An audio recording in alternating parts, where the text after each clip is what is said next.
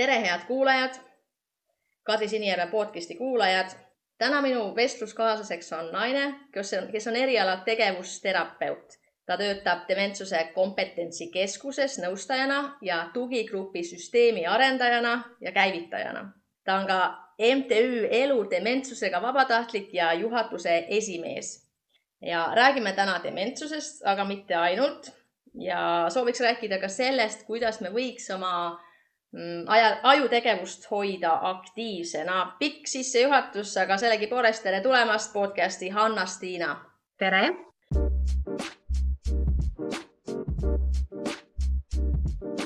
ja kõik kuulajad kindlasti juba teavad, et mul on enne sellisesse noh, teemasse suundumist, mul on äh, kõigi külaliste jaoks samad küsimused, seda pingest vabaks osaks. ja Hanna-Stiina esimene küsimus olekski, et äh, kuidas sa ise ennast kirjeldaksid kolme sõnaga mm? -hmm. no mm, ma arvan, et äh, lõbus, energiline ja loominguline no kõik on niisugused väga positiivsed, et oli, oli neid sõnu raske mõelda või välja nuputada? ma praegu, ma, ma praegu lihtsalt äh, panin kohe hoopis, ma enne nende peale väga ei mõelnud vähemalt need on need moment, äh, iseloomustavad sõnad võib-olla millega ma tahaksin jah, ennast tutvustada. Mm.. kuidas su tänane päev algas, see oleks teine küsimus. ahaa, tead, väga rõõmsalt, ma olen väga õnnelik selle üle, et vihma tuli, et äh, ma olen praegu väga rahul sellega.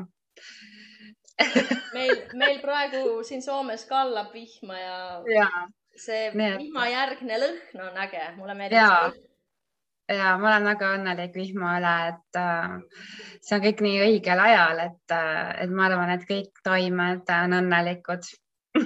Kas, kas sa tegutsed ise ka aia pool või ja, sellepärast ka, et ei pea ise kaitsma? ja, et ma just äh, nädalavahetuse veetsin aiamaal ja, ja nüüd ma olen väga õnnelik selle üle, et vihm tuleb, et siis kõik, mis ma tegin, saab nagu kindlasti äh, idanema. kolmas küsimus. Mm mis sind innustab praegusel hetkel kõige rohkem?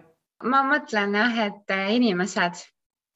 inimesed? inimesed ja loodus on kaks äh, praeguse hetke märksõna ja ma arvan, et iseenda aeg või selline, minul on hetkel selline äh, aeg nagu enda sisse vaadata ja oma pere ja, ja üldse nagu natukene selle sellest torm, tormisest elust natukene kõrvale astuda ja, ja kontakti saada rohkem iseenda looduse ja ka inimestega.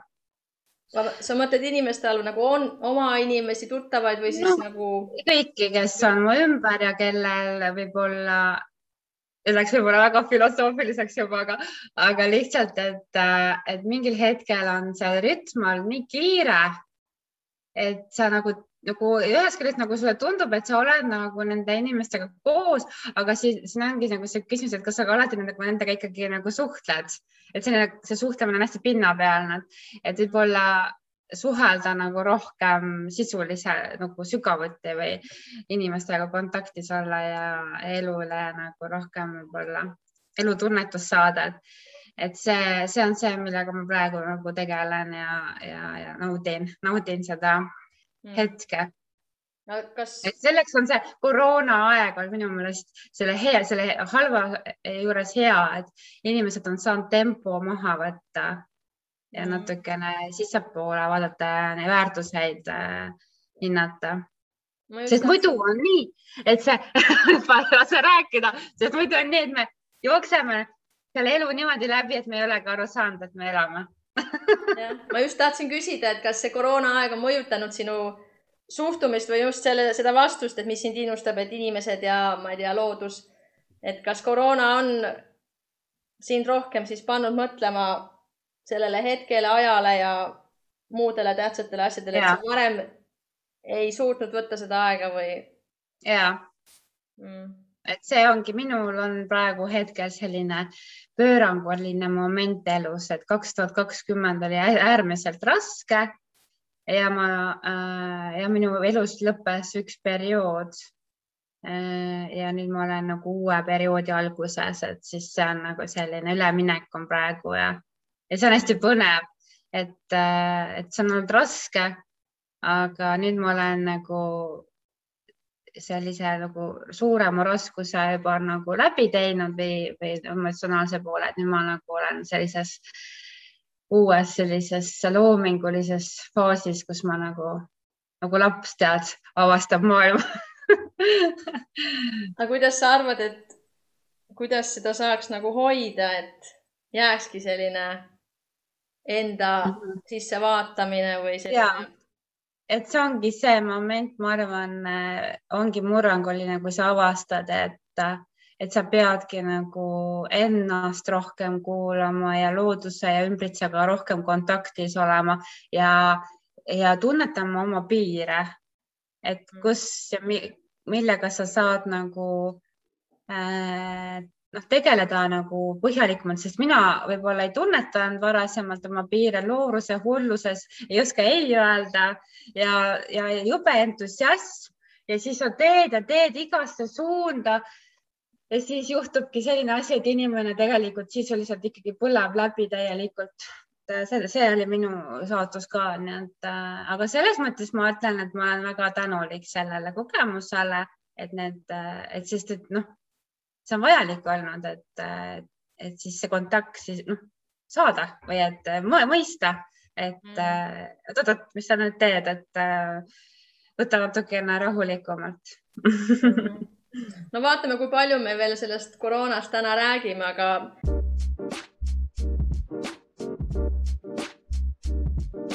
Lähme vaikselt sellesse teemasse.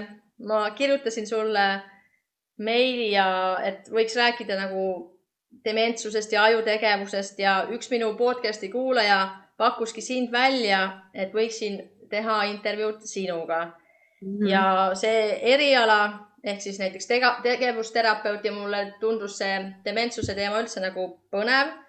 et kas sa võiksid nagu siin alguses nagu rääkida, et kuidas sa üldse leidsid enda jaoks selle tee, et miks, miks valisid selle valdkonna või kuidas sa sinna nagu läksid? Minu tee nagu sattus siis äh, juba kooli ajal äh, on ju äh, nendes igas õppeaastal on erinevas kohas praktika ja tegevusterapiat õpetatakse neli aastat ja igas, igal aastal siis on erinevad vanusegrupid ja igal pool tegelikult, kus ma nagu lapsed või, või tööealised või eakad, igal pool, kus ma praktikal käisin, siis igal pool mulle nii hirmsasti õudselt meeldis oleks igale poole tegelikult nagu tahtnud tööle jääda.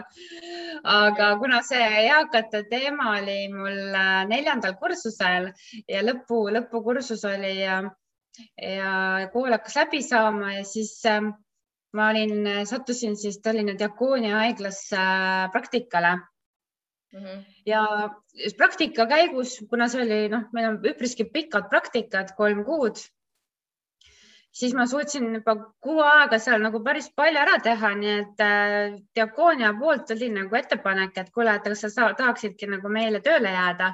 et nende selle, selles haiglas küll ei olnud seda ametikohta, aga nad tegid selle mm., sest et äh, nad olid nagu teadlikud sellest, et äh, tegevusterapeut oleks vajalik, aga lihtsalt sellel hetkel kümme aastat, üksteist aastat tagasi, kui mina sinna sattusin, siis noh, neid tegevusterapeute Eestis oli väga vähe, nii et sul võis küll ametikoht olla, aga, aga ega sul ei ole, ei olnud, noh, ei pruukinud sinna kedagi tulla, sest et neid oli nagu väga vähe, neid lõpetanud inimesi. Ja mulle nagu sobis äh, kõik Äh, asukoht ja töökoht ja, ja mulle nagu eriti inspireeriv oli see, et, äh, et seal ei olnud tegevusterapeut ees mm, -hmm. et äh, sellepärast, et siis see oligi nagu minu jaoks hea.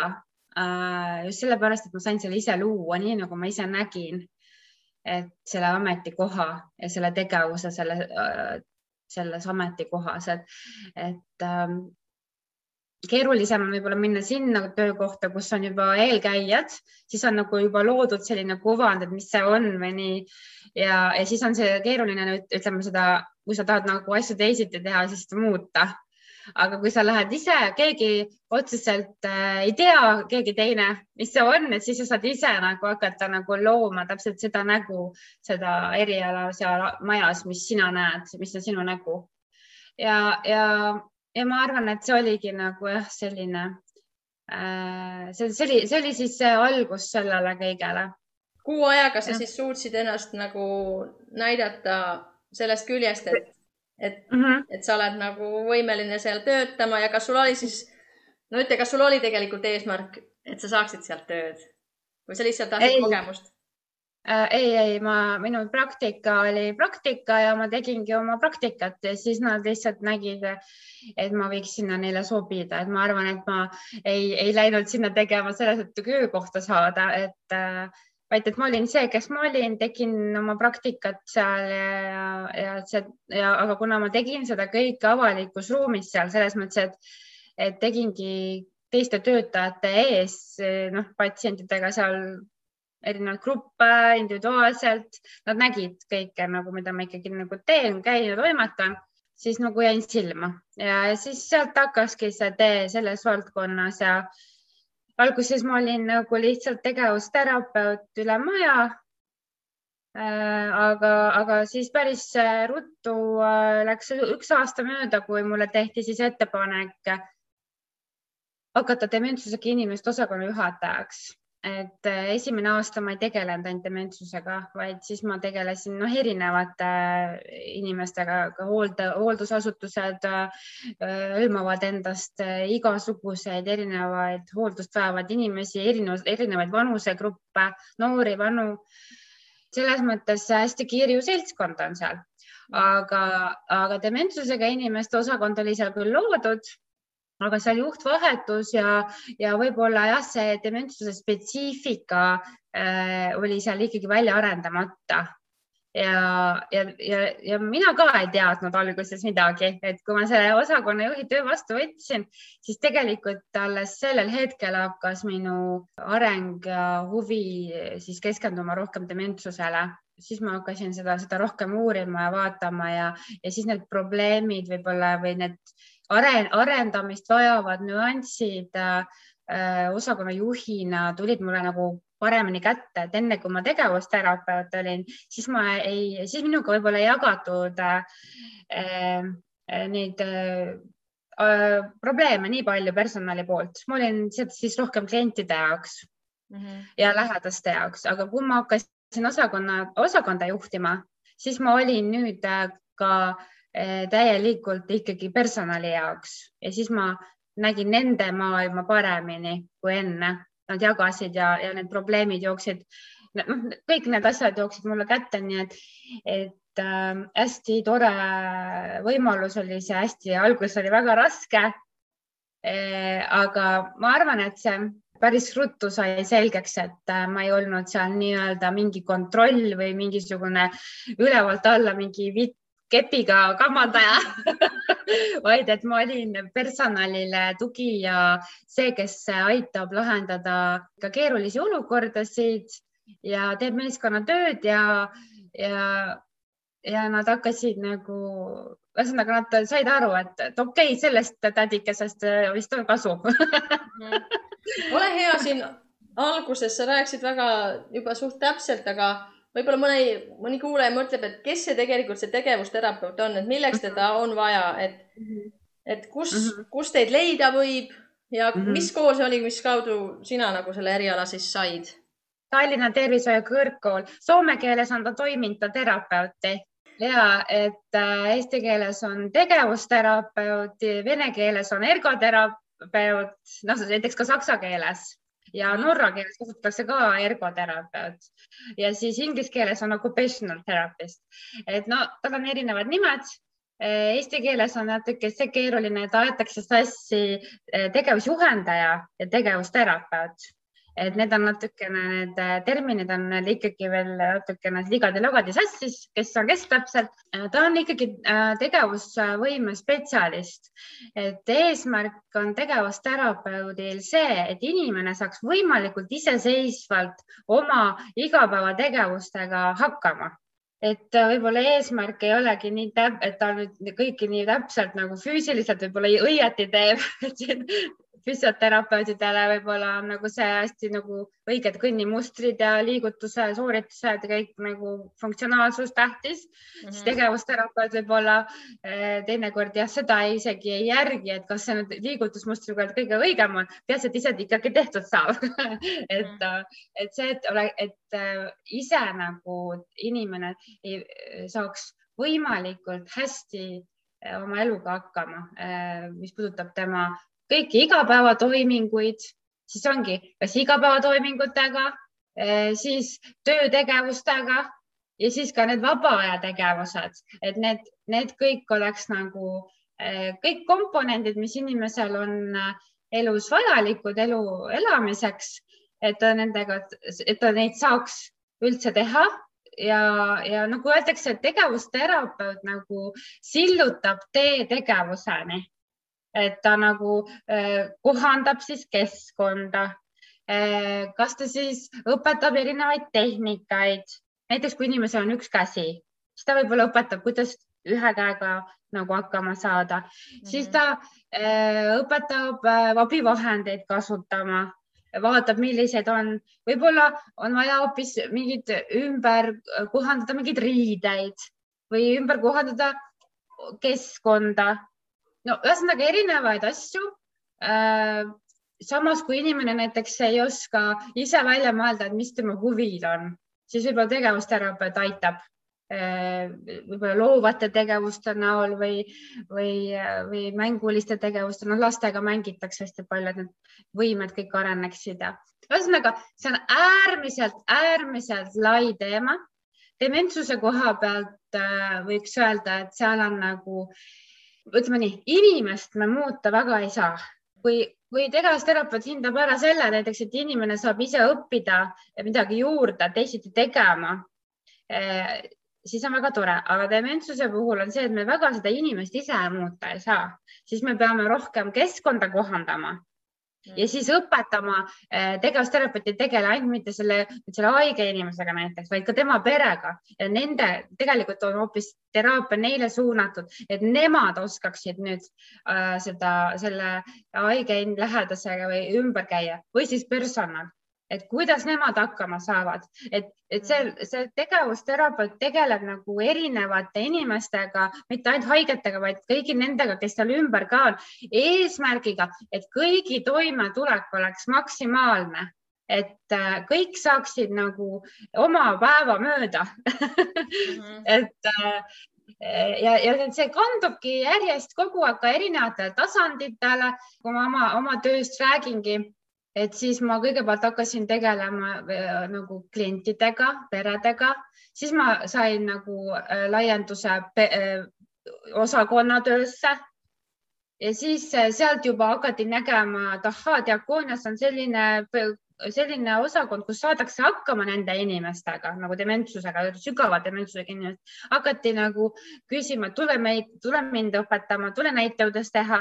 nüüd minu äh, töö ongi nagu laienenud dementsuse kompetentsikeskuses siis selle näol, et ma käin nõustamas, õpetamas teisi äh, professionaale, kes te, teistes kohtades töötavad ja, ja ka lähedasi siis rohkem kodudes ja, ja, ja olengi nagu ähm, suuna rohkem siis tugigruppidele äh, pannud, sellepärast et kui ma enne töötasin haiglas, siis ma ütleme nii, tuli sinna klient äh, mõneks ajaks ainult, ma ei tea, kust ta tuli ja mm. pärast äh, haiglas olemist ta läks, ma ei tea, kuhu, kadus mu silmist.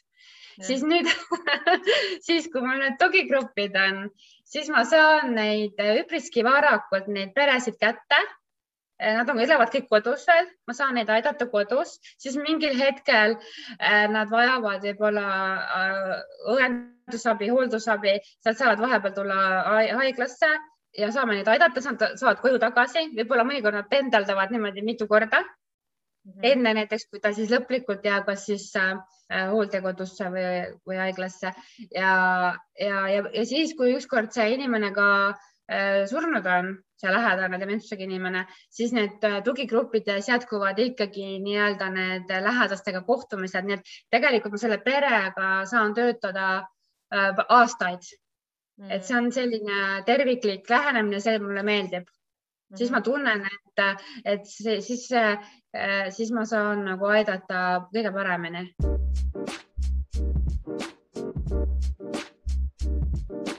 No see, need kliendid on siis sinul nagu seal Dementsuse kompetentsikeskuse kaudu või nad võtavad sinuga ühendust mingit muud moodi? Nad tulevadki tugigruppidesse, siis tugigrupi info on meil üleval Facebookis, kodulehel, sotsiaal, sotsiaalkeskustes, kohalikes ajalehtedes et me kuulutame jah neid tugigruppe välja, et ma igas tugigrupis küll ei ole aga ma üritan nagu kõiki tugigrupi juhte aidata eh, käivitada ja siis äh, nende kõrval olla, et, et tegelikult minul on siis abiks MTÜ on siis praktiliselt nelikümmend tugigrupi juhti, kes siis kõik üle Eesti veavad tugigruppe, meid on kakskümmend kaks tugigruppi ju ja selle nädala neljapäeval, kahekümnendal mail avame Hiiumaal tugigruppi mm, -hmm. siis on meil veel Valga ja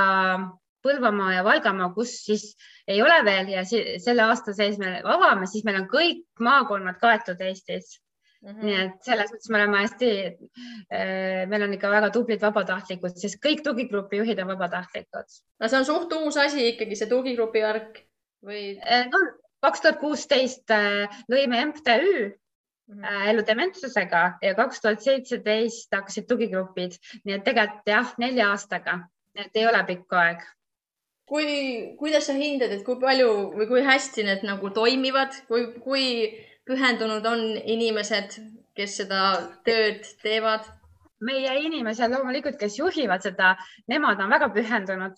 küsimus on äh, selles, millises maakonnas nad teevad ja kuidas selles maakonnas on stigma sest äh, Eesti inimesed on äh, sellise väga nagu tagasihoidliku suhtumisega, et minu, mina ei, ei lähe ikka kuskile võõrasse seltskonda oma pere probleeme rääkima et see ei ole meie, meie rahvusele omane eh, rääkida muresid kuskil ja mida väiksem ja tihed, ütleme väiksem eh, piirkond, kus inimesed teavad üksteist, seda kinnisemad nad on.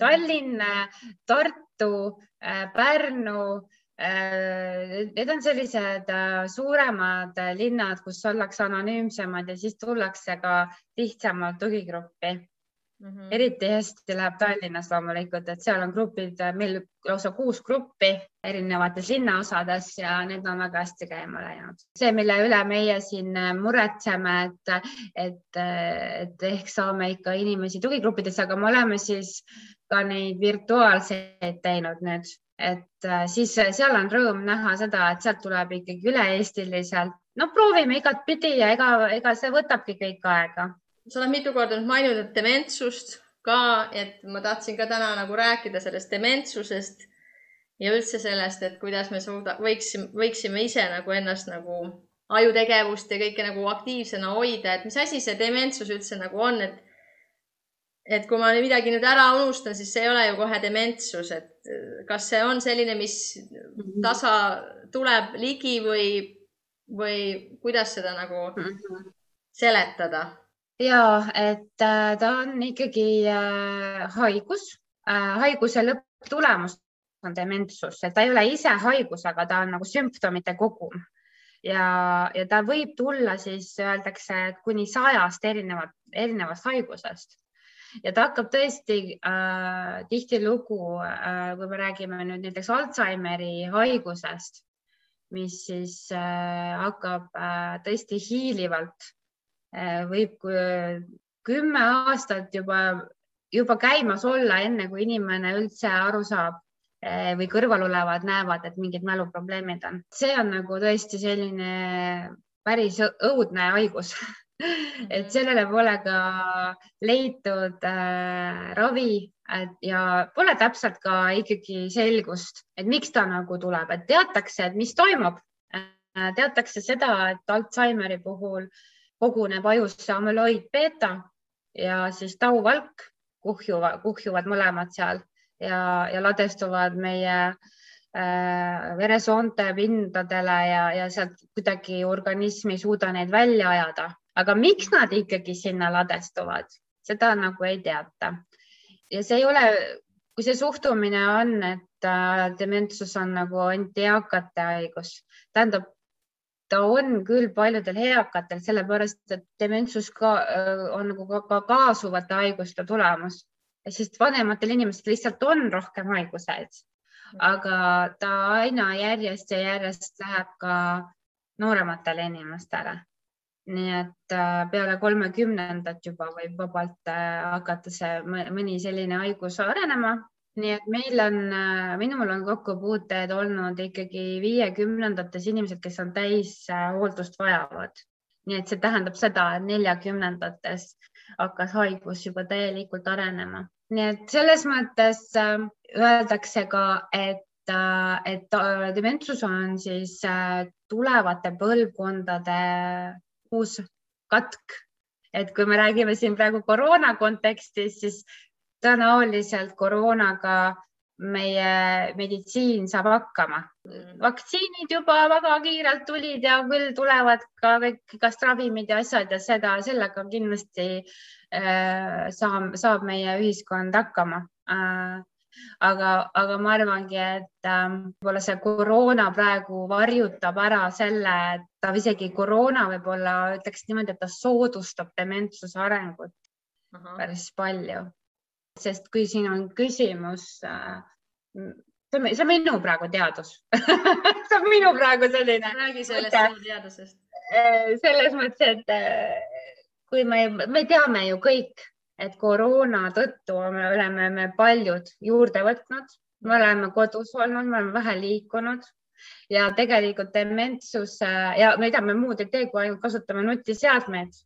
Et koroona on meid surunud eh, nendesse raamidesse, mis on eh, kõik dementsust soodustavad. mida ma tahangi öelda, et kui küsimus on see, kuidas ennetada, siis me peaksime just kõike seda vastupidi tegema, et liikuma, toituma normaalselt suhtlema. Et, et loomulikult see äh,, see nutiseadmed ja need kõik vähendavad seda isole-, noh, seda suhtlemisvajadust, mis meil on. loomulikult see on vajalik. siin kaaluda seda, et kas ma olen vaikuses ja suhtlen kellegiga või, või võtan ikka selle Zoomi lahti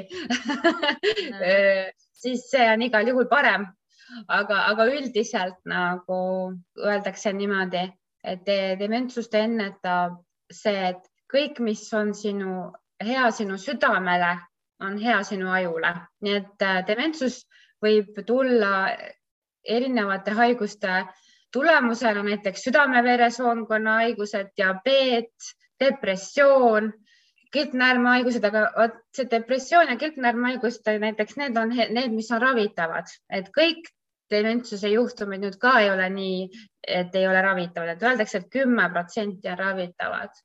kõik sellised insuldid, kõik need võivad põhjustada dementsust ja, ja, ja insuldi ennetav ravi on jällegi ju liikumine ja toitumine. nii et selles mõttes, et, et kui me liigume, toitume ja mõtleme kõik, mis on hea südamele, me sellega äh, nii-öelda ennetame väga-väga paljude haiguste äh, ennetamist mm -hmm. seega ja seega ka dementsuse ennetamist.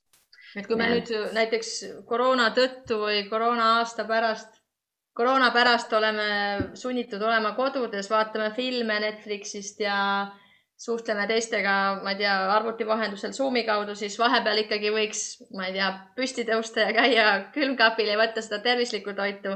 ja kui poes ei käi, siis kui tellid toitu sealt neti kaudu, siis mõelda ka see valik läbi, et mida siis osta, et kõik. ja selles mõttes, et, et hästi teadlikud peavad olema inimeste valikud, ma saan sellest aru, et nii mugav on, et kõik areneb, et meil tuleb toit ise jalutab koju ja siis me et meil on nagu eh, postiljonid ja pakid tulevad tänapäeval kõik koju et sa ei pea mitte kuskil käima, riided. üks päev oli üks saade, kus ma nägin üks ah, üks uus saade Eestist, üks, üks mees ütles, et kellena sa töötad, ta ütleb, et ma olen kuller. Ja siis küsivad, et kui raske on kõige raskem pakk, mida sa oled koju viinud, siis ta ütleb nelikümmend kilo. Ja siis ütled, aga mis selle paki sees võis olla, siis see kuller ütles, et ma arvan, et seal olid vist riided. Et, et inimesed tellisid enda koju neljakümne kilose riiete kotti, et äh, ma, ma saan sellest kõigest aru, et need teenused on head tõesti neile, kes, kellel on koroona, kes ei tohi välja minna, kellel on äh, puue aga tähendab, need inimesed, kes on käte-jalgade poolest liikuvad, nad ei tohi iseennast teha äh, abitumaks Just. ja nii-öelda võtta seda õpitud abitust juurde ja nad peavad mõtlema, mis on selle äh, plussid, et ma lähen ise nüüd ikkagi äh, ma ei tea, käin turul ära, ostan need kartulid seal turul värskest õhust või, või et, et noh, et äh, lähen jalutan äh, lähimasse poodi ja ei sõida sinna autoga. no -hmm. tähendab või et kui okei okay,, ma, kui ma poes käin, mul on rasked kompsud, ma käin autoga, aga pärast ma lähen ja jalutan kuskil mujal. et äh, me peame hoolitsema südamele, süda ja viisteist minutit juba päevavalgust ja liikumist värskes õhus juba aktiviseerib meie ajud, ajutööd Mm -hmm. ja, ja meil on, meil on vaja liikuda, meil on vaja värsket õhku juba füsioloogiliselt. aga samamoodi, kas magamine, magamine või puhkusuni? absoluutselt, absoluutselt, aga, aga öelge mulle nüüd, ma tahaks kohe kõigi käest küsida, kas, kuidas sa saad magada hästi, kui sa ei ole päeval käinud õues no, liikunud. mina käin õues äh, ja ei, ma ei mõtle sind, aga ma, ma mõtlen üldiselt nagu kõigile küsimus. ma saan aru, kes või noh et...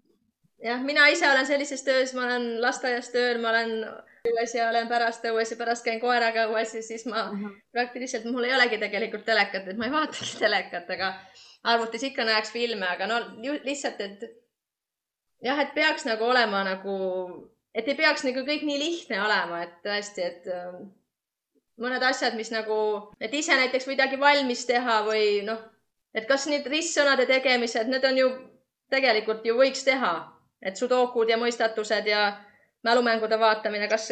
jah, aga teate, neuroloogid on selle kohta öelnud ja neuropsühholoogid, et ristsõnade äh, lahendamine on küll väga põnev ja see ongi äh, paljude inimeste hobi ja see ongi hästi tore tegevus. aga nüüd ainult ristsõnadega me ei enneta oma dementsust sellepärast et äh, mhm. selle, kui sa oled staatilises äh, positsioonis, sa võid ükskõik mida seal lahendada, sa võid, sa võidki maalida, kes maalib, kes äh, teeb ristsõna, kes võib-olla loeb koomikseid, kes vaatab telekat, see, selles mõttes, et või, või mängu, mängib hoopis mingit mälumängu vormi või keegi mängib malet või mina mängisin siin lastega terve koroona aja jumal trillmad ja kaardimängud ja meil on no jube palju kihvte mänge see on kõik väga hea, aga see ainult aktiviseerib teatud ajuosasid, mida, millega sa äh, nagu äh, mõtled, eks ole. aga aju ei koosne ainult eh, sellest teatud mingit, mingitest paarist tulukesest, mis, mida sa sinna kogu aeg aktiviseerid. Sul on vaja kogu oma aju tööle panna. Ja, ja sellega äh, tegelikult öeldakse, mis on kõige parem, mis paneb nagu korraga kõik, kõik terve aju äh, kiirgama, kõiki ajupoolkerasid omavahel suhtlema, on näiteks äh, selline äh, tegevus nagu tantsimine. Äh,. ma ei ütle, et nüüd me peame tantsima, aga no äh, selline ongi äh, nii-öelda tantsimine, siia võib kõrvale võtta looduskümblus, aga see no, loodusteraapia või aiandus või metsas jalutamine, meres jalutamine. et tähendab, et see tantsimine on selles mõttes hea näide, et seal inimene esiteks ta liigutab mm, -hmm. teiseks ta kasutab, kui tal on mingi teatud tants, siis ta ähm, kasutab oma mälu erinevaid osasid, ta loob siis kui tal on veel partner, siis ta ka suhtleb. Mm., et mis on siis äh, aju äh, äh, nagu nii-öelda ennetuseks ongi, eks ole, et toitu, liigu, suhtle äh, ja loo, tegele loovate tegevustega, kus sa ise genereerid. Aga ja, ja vaata, kui inimene võtab nüüd kõik need, oh, mulle tuuakse toit koju, ma ei, ma ainult nii palju ütlen, et, et helistan, et tooge mulle täna pitsa onju, nii. Ma ei valmista seda pitsat, ma ei mõtle, ma, mulle toodi ta lihtsalt onju, ma söön selle lihtsalt ära.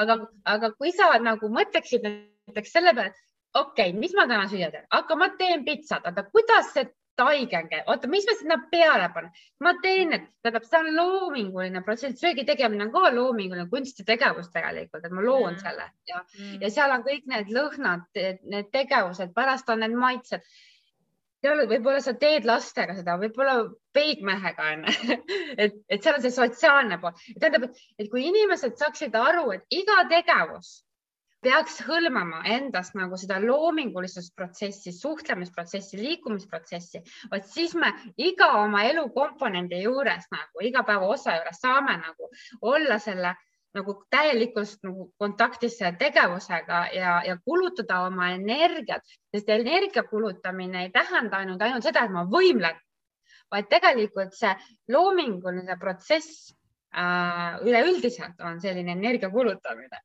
et siis mm -hmm. ja, ja, ja seal võibki olla nagu näiteks selline, et mul on mingi suurem projekt onju noh, väga paljud inimesed tegelikult ongi ju võtnud, kui neil on puhkus või see koroona isolatsioon, on hakanud eh, tegelikult remonti tegema või, või tegelikult see on jube kihvt, et nad ongi võtnud sellised suuremad projektid ette, millega ei ole nagu hakkama, võib-olla varem nagu mm, ei ole aega olnud nendega tegeleda, et nad, nad võtavad, lammutavad, ehitavad, värvivad, see on loominguline, see on liikumine, see on super, et see on nagu väga hea, kui inimesed saavad ja neil on nagu sellised mingid tegevused, kus nad on pidevas protsessis nagu ühel päeval ja juba jätkavad selle asjaga teisel päeval ja, ja jõuavad kuhugi, et, et selline kogu aeg oled nagu, sul on nagu mingisugune motivatsioon, motivatsioon tõusta, motivatsioon minna, motivatsioon teha.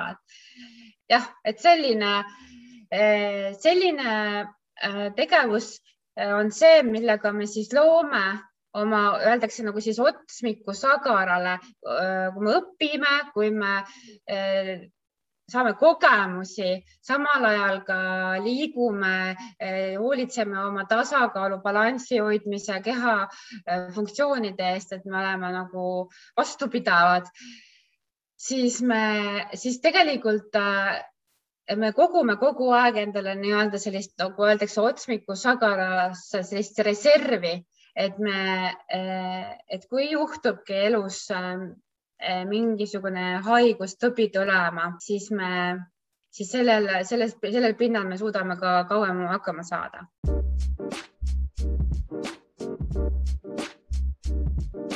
mul tuli nagu praegu selline nagu küsimus sellest, et noh, see kõik tundub nii lahe ja äge ja, ja ma arvan, et noh, mina küll tun-, mulle tundub, et ma vähemalt liigun ja ma ei tea, tegelen asjadega, aga kui, kui tõesti mingi päev lihtsalt nagu ei jaksa, no ei jaksa võib-olla mm, ma ei tea. absoluutselt. siis kas, kas see, sellest piisab, et ma siis ühel päeval tellin selle toidu ja, ja, ja siis ja, teisel päeval ma käin metsas, et iga päev ei pea ju rabelema.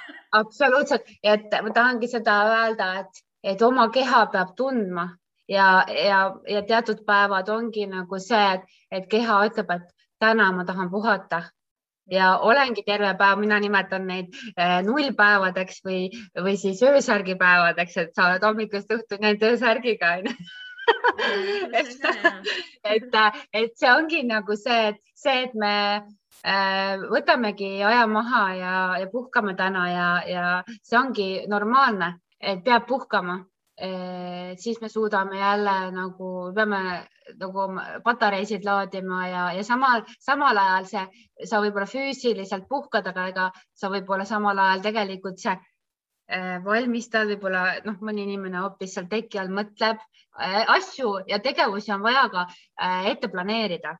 Mm.. et näiteks tegevusterapeutidel on alati nagu noh, tihtilugu näiteks äh, kuskile võetakse tööle ja siis ütled, okei okay,, et sa teed nelikümmend viis minutit ja, või tund aega selle kliendiga, selle kliendiga, selle kliendiga, päevas on sul kümme klienti onju, siis on see küsimus, et oot-oot, et millal ma võtan selle aja, kui ma planeerin asju, sest et me ei ole nagu keegi selline, et võtan siit puusalt nüüd püssi ja lasen kohe. Meil on nagu vaja kõigil nagu äh, nagu ja nagu aega nii-öelda asju planeerida, mõelda läbi kelle, mõnel, mõnel inimesel on selleks vaja lühemat aega, mõnel on väga kaua aega vaja. et, et asju planeerida, läbi mõelda, et, et see, see mõtteprotsess, see võib-olla ongi see, et, et ma, mu keha puhkab ja ma olen teki all, aga samal ajal ma mõtlen midagi, onju. aga, aga ei pea ka mõtlema kogu aeg. See on ka suur oskus, kui inimene tegelikult suudab mitte mõelda. Ja seda proovin mina, seda ma ei oska praegu õpetada. sellega ma pigem ise olen jännis, et, et ma nagu õpin seda, kuidas mitte mõelda, sest mul kogu aeg käib trrr, ja, ja siis see võib olla ka nagu, pigem on jah see oht, et liiga palju ei tohi ka planeerida ja mõelda, et, et tuleb nagu puhata. Aga, aga ma pigem nagu räägin just sellest, äh, et see eelnev jutt, mis ma siin enne rääkisin, et me lähme nii mugavustsooni, et, et see liigne mugavustsoon ei ole tervislik, seda ma lihtsalt tahan rohkem nagu välja tuua. et me peame enda tervisele ja oma südamele koormust andma. See, see on selle haig, haiguste ennetamise võti, et see ei ole nagu lahendus, et me mõtleme, ah, meditsiin nagu areneb ja küll leitakse ravimid ja lähen apteeki ja võtan selle asja, selle asja onju. et äh, inimesed peaksid rohkem nagu mõtlema tõesti selle peale, et, et äh, süüa tervislikumalt ja liikuda rohkem ja, ja, mitte, ja vähem võtma ravimeid ikkagi nagu, aga kui loomulikult on vaja, siis, siis, siis on vaja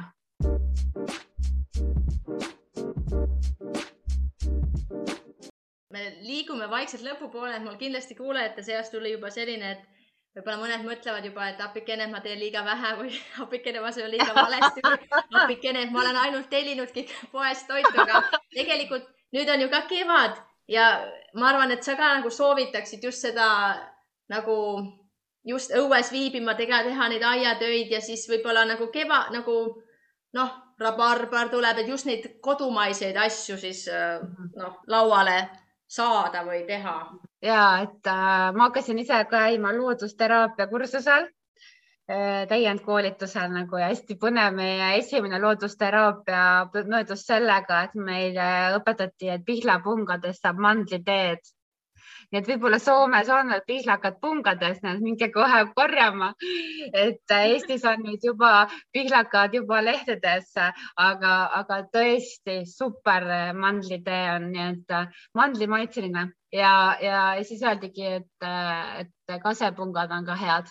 nii et need, need ma ka magasin nüüd maha, aga nurmenuku aeg on praegu nii et nurmenukk ja piparmünt, et ja naadid Eh, võililled, nõgesed ja karulauk on praegu, praegu see, mida mina söön, et äh, kui, kui mõni ütleb, et äh, võilill on natuke kibe, siis kui karulaukuga ära äh, miksida ja küüslauku veel sinna otsa panna ja teha mingi mõnus tomatine ja oliiviõliga salat, siis kõik söövad, keegi aru ei saa, et võilill sees on.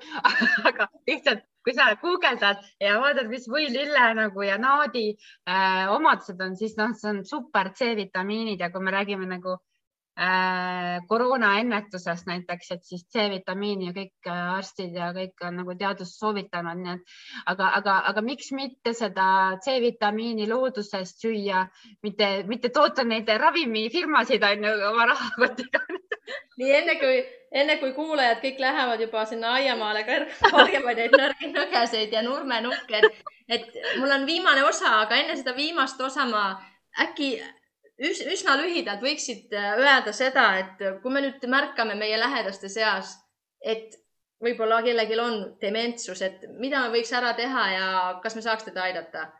üsna lühidalt, aga ikkagi konkreetselt äkki võiksid öelda midagi mm? -hmm. ütleme niimoodi, et kui on ikkagi mäluhäired, inimene ei tule toime nende tegevustega, millega ta on elu jooksul väga hästi hakkama saanud.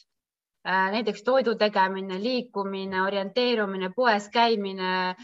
noh, ütleme nii, kui inimene tõesti on keskkonda muutunud, kolinud, uus võõras keskkond, noh, eksib võib-olla siis veel, aga kui ta on eluaeg ühe koha peal elanud, poed on täpselt sama koha peal ja ta sealt ei oska koju tulla või, või ta ütleb, et ma täna eksisin ära või, või hakkavad sellised imelikud, kummalised sümptomid, süüdistamised, et äh, mul oli raha, keegi on mu raha ära võtnud äh,.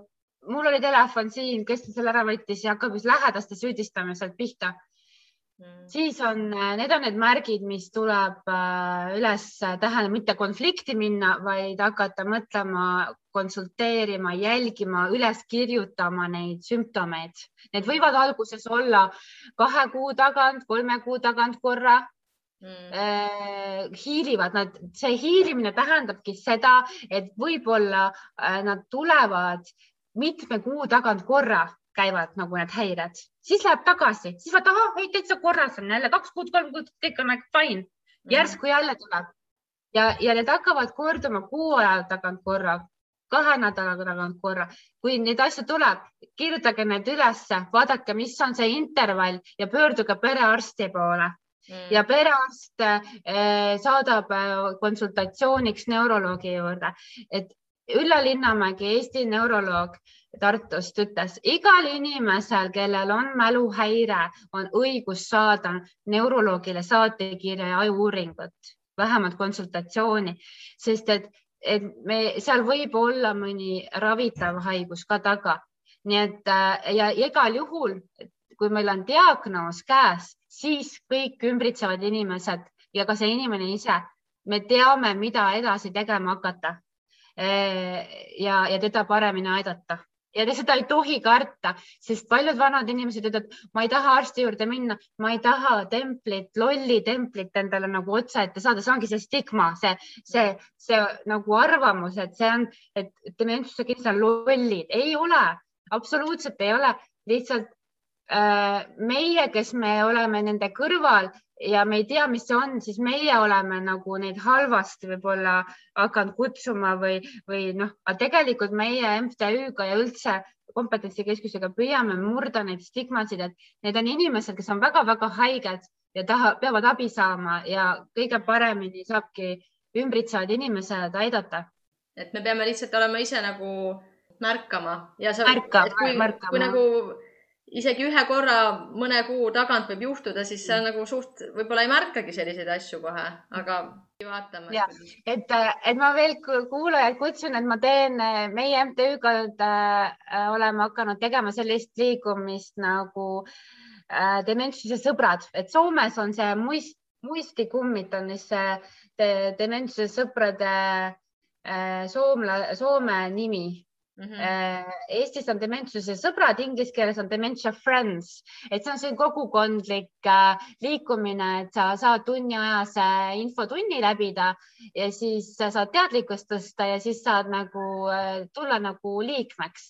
aga see liikmeks olemine tegelikult ei tähenda mitte midagi, et sa pead nüüd midagi nagu otseselt tegema, vaid see lihtsalt ongi nagu see, et sa oled teadlik ja, ja sina oskad märgata äh, pereliikmel, naabril ja näiteks, äh, näiteks kas see kasvõi, et sa pärast seda koolitust äh, võib-olla enam ei ütle dementne.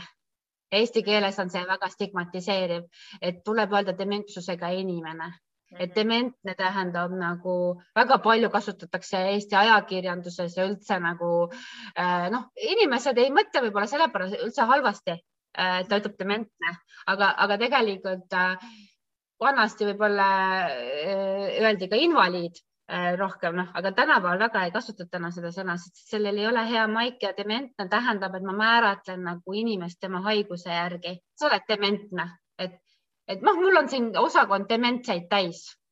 tähendab, et ma nagu äh, määratlen neid selle järgi hmm. tegelikult, et mul on siin inimesed et, osakonnas, et nad on dementsusega, et nad on inimesed neil on lihtsalt see haigus ka, et, et see on nagu see, mida me nagu, mida see dementsuse sõbrad, ütleme endast nagu hõlmavad ja kes tahab rohkem panustada ja vabada, need, nemad saavad ka sealt juba edasi minna, aga, aga sellega me oleme siis äh, alustanud, see on Inglismaalt alguse saanud nagu liikumine ja Jaapanis on hästi palju neid hästi,, hästi-hästi palju miljoneid. Hästi, hästi dementsuse sõbralik ühiskond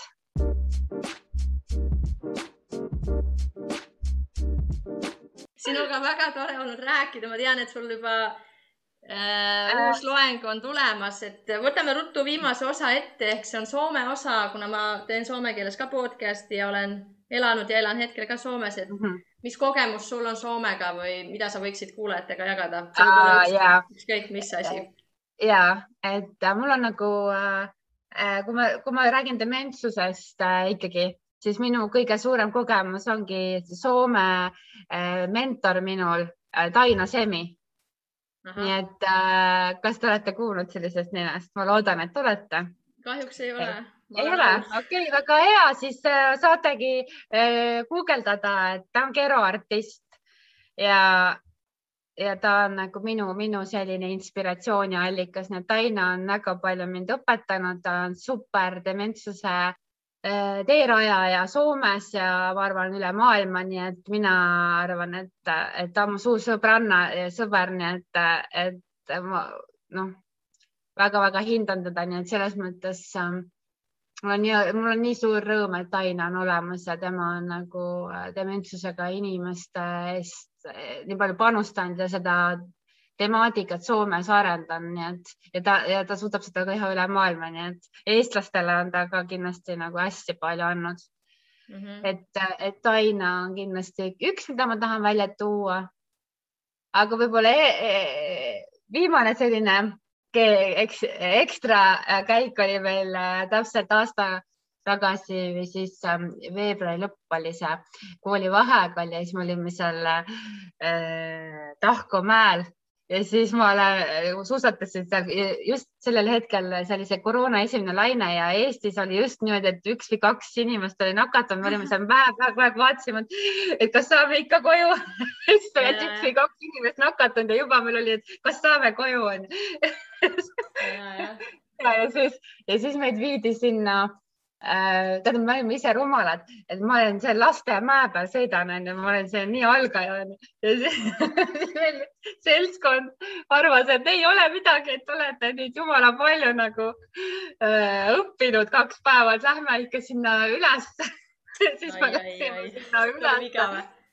ja, ja ühesõnaga mul jääb see eluks ajaks mõelda, kuidas ma äh, ei saanud sealt kuidagi alla, siis ma tulin, võtsin suusad jalast ära ja siis panin eh, suusasaapad niimoodi nagu äh, sinna Mustal mäel, see on nagu selline uh!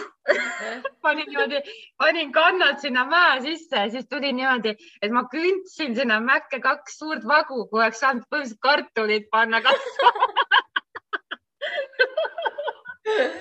niimoodi seal mitu, mitu, mitusada meetrit alla jumal küll, siiamaani on adrenaliin üleval, kui ma selle peale mõtlen. kus sa neid suuski hoidsid siis?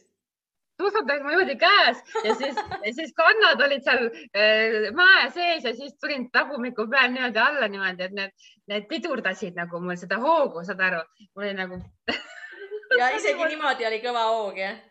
ja, ja täie rauaga tulid. Aga sai, kas keegi ütles sulle ka midagi seal, töötaja või? ei olnud, ei saanud, see oli äh, juba õhtune aeg, juba see, need osad rajad olid kinni, pime oli ja, ja mul oli need veel üks ahk oli ühe selle, selle lume, see nõlva peal ja ma vaatasin, ma sinna sahale otsa ei sõida. See oli ikka selline ellujäämine, et, et, täitsa lõpp, aga tead, seda ma tahangi võib-olla lõpetuseks öelda, et, et, et okei okay,, ta oli, see oli päris õudne elamus, aga teate, kui puhastav see oli, et kui sa lähed oma kodusest keskkonnast, vaat sinna metsa või, või ujuma või, või mine suusatama või, et siis ja tegele ainult nagu selle tegevusega. mina ja Mägi ja, ja kõik mured, et see on nagu, tead, see on nagu disketi puhastamine mm. -hmm. et, et seda on vaja. ei, väga ma, ma tänan sind selle aja eest ja ma loodan ja arvan, et kuulajatest nii mõnigi nüüd läheb õue ja on aktiivne, korjab neid nurmenukke ja naati ja teeb ikkagi neid ristsõnu ka, sest need ka ei ole tegelikult nii halb tegevus. ja, ja, ja kindlasti, kindlasti tehke need, lihtsalt kombineerige sinna vahepeal ristsõnade tegemine äh, tantsides. just. Ja kusjuures ma mainin siin lõpus, et äh, magage mujal kui voodis ka, mina magan nüüd rõdul, ma olen maganud kolm ööd rõdul, mul on sihuke noh, klaa, klaasid on ees ja keegi ei näe mind siin, et ma kuulen linnulaulu, mul on siin tagahoov, kus on nagu niisugused oma majad ja kortermaju pole lähedal, no mina elan kortermajas, aga mm -hmm. et ei ole nagu vaja kogu aeg seal oma voodis magada, võib telgis, minge magage telgis või kuskil. kuule, see on väga hea mõte, selle võtan mina täna siit kaasa, uus tegevus, hakka igal pool magama. ja nagu täiega, täiega äge. ja see on hea mõte.